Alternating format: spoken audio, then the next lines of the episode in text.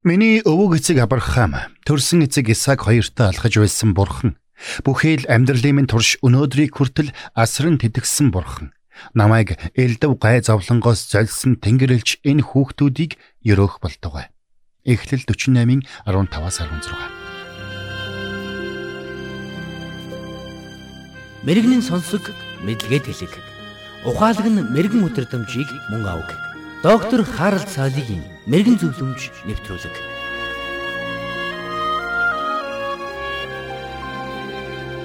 Жорж Бернард Шоу нэгэн удаа хэрвээ өөр гараг дээр амьдрал байдаг бол тэд өөрсдийн солиотнуудыг дэлхийр үсгэлсэн байх гэж хэлсэн байдаг. Заримдаа түүний энэ үг үнэн ч юм шиг надад санагддаг. Та хэзээ нэгэн цагт энэ дэлхийд юу тохиолдов вэ? Яагаад хүмүүс ямар ч утга учиргүй өөр хоорондоо тэмцэлтэн вэ? Яагаад ийм олон хүмүүс өдөр хоногийг арай ихэн өнгөрүүлж амьдралын ямар ч зориг чиглэлгүй амьдрын вэ? Химэн бодож байсан байж болох юм. Тэгвэл хүний амьдралын зориг юу юм бэ гэсэн асуултыг Библи гүн ухааны асуулт бас харин сүнслэг асуулт гэж авч үздэг. Хэдийгээр бурхангүй хүмүүс хүний амьдралыг зүгээр нэг тохиолдол ховслын үйл явцын үр дүн гэж үздэгч. Библи бидэнд тис өөр зүйлийг өгүүлдэг. Бид бүгд Бурхны төлөө, Бурхны дүр төрхөөр бүтээгдсэн Бурхны бүтээлүүд гэдгийг Библи баталдаг. Тэр утгаараа бидний амьдралд хандсан Бурхны хүслийг бид гүйцэлдүүлж амьдрах учиртай гэдгийг Библи бидэнд сануулдаг. Бидэнд хандсан Бурхны төлөвлөгөө хизээд бидний төлөвлөгөөнөөс илүү агуу байдаг. Учир нь бид ирээдүйд юу болохыг мэдэхгүй.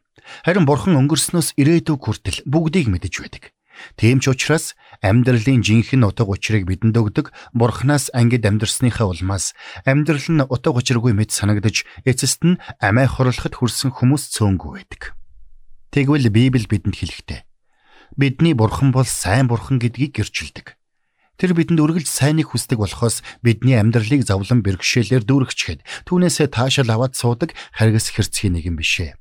Харин ч тэр биднийг бүтээсэн учраас бидний амьдралд юу сэтгэл ханамж аз жаргалыг өгдөг, юу зовлон шаналлыг авчирдаг болохыг хамгийн сайн мэддэг.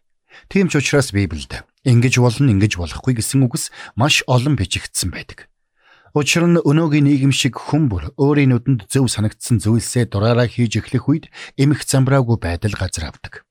Тэгвэл бидний амьдралд хандсан бурхны төлөвлөгөө биднийхээс хавьгүй илүү гэдэгт бид итгэлтэй байх учиртай. Учир нь бурхны төлөвлөгөө амь руу хөдөлдөг болон энэ дэлхийн төлөвлөгөө сүнслэг үхэл рүү хөдөлдөг. Тийм ч учраас Библиэд хоёр ч удаа хүнд өөрт нь зөв мэд зам, харин эцэс нь үхлийн зам. Сургаалт өгс 16-гийн 25. Химэн бичигдсэн байдаг үлээ. Хүйтэн дайн дууссаны дараахан нэгэн удаа би Украины Киев хотын хэсэг иргэдтэй уулзаж байлаа. Тэдний дунд байсан нэгэн эмэгтэй коммунизмын доор бид буруу зүйлс олныг хийсэн. Гэхдээ бид үүнийг зөв зүйл гэж бодож байсан. Химэн нулимс туслуулан хэлж байсныг би санаж байна. Буруу зүйл хийж байгаагаа мэдэхгүй хийх нэг хэрэг. Гэтэл бид ихэвчлэн мэдсээр байж буруу зүйл хийдэг шүү дээ. Бид үнэхээр мэдсээр байж хийхийг хүсээгүй муу зүйлээ үлддэг гэдгийг Илч Паул мөн батлан бичсэн байдаг. Гисэн ч гайхамшигтай нь Бурхан үүнийг минь мэдсээр байж биднийг өөртөө авахын тулд цорын ганц хүүгээ илгээсэн.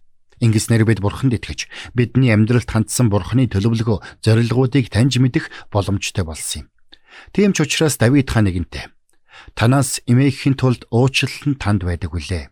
Дуулал 134 химэн шүлгэлсэн байдаг. Энэ бол бидний хувьд үнэхээр гайхамшигтай сайн мэдээ юм. Би өмнө нь үр хөндлөлт хийлгэж байсан. Тэгвэл би үүнийхээ хариуцлагыг бурхны өмнө хүлээхгүй гэсэн үг. Химээ нэгэн эмэгтэй надаас асууж байсныг би санаж байна. Би тэр эмэгтэйд бурхны уучлалын мөн чанарын талаар болон бурхан биднийг уучлах үед бидний өмнө хийсэн алдаа дутагдал бүхэн бүрэн цагаатдаг тухай ярьж өгсөн юм. Үнэхээр бидний амьдралд хандсан бурхны төлөвлөгөө бидний төлөвлөгөөнөөс илүү агуу юм. Учир нь тэр бол бүтээгч бурхан. Тэр бидний амьдралд юу баяр хөөр, ад жаргал авчирдаг болохыг хэн хүнээс илүү сайн мэддэг. Тиймээс ч Бурхан биднийг уучлан өршөөгөө зогсохгүй. Биднийг хөтлөн дагуулахын тулд хончныг илгээсэн.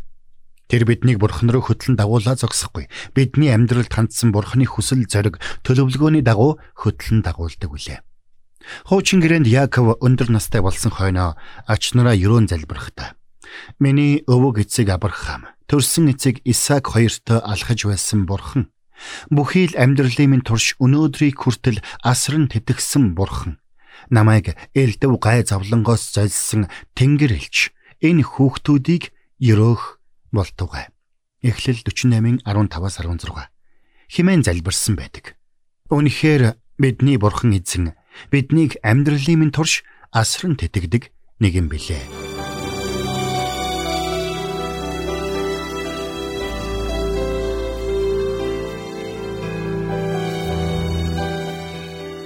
Мэргэн нэгнийг дагуул мэргэн, мулгуутай нөхөрлөл хорлол.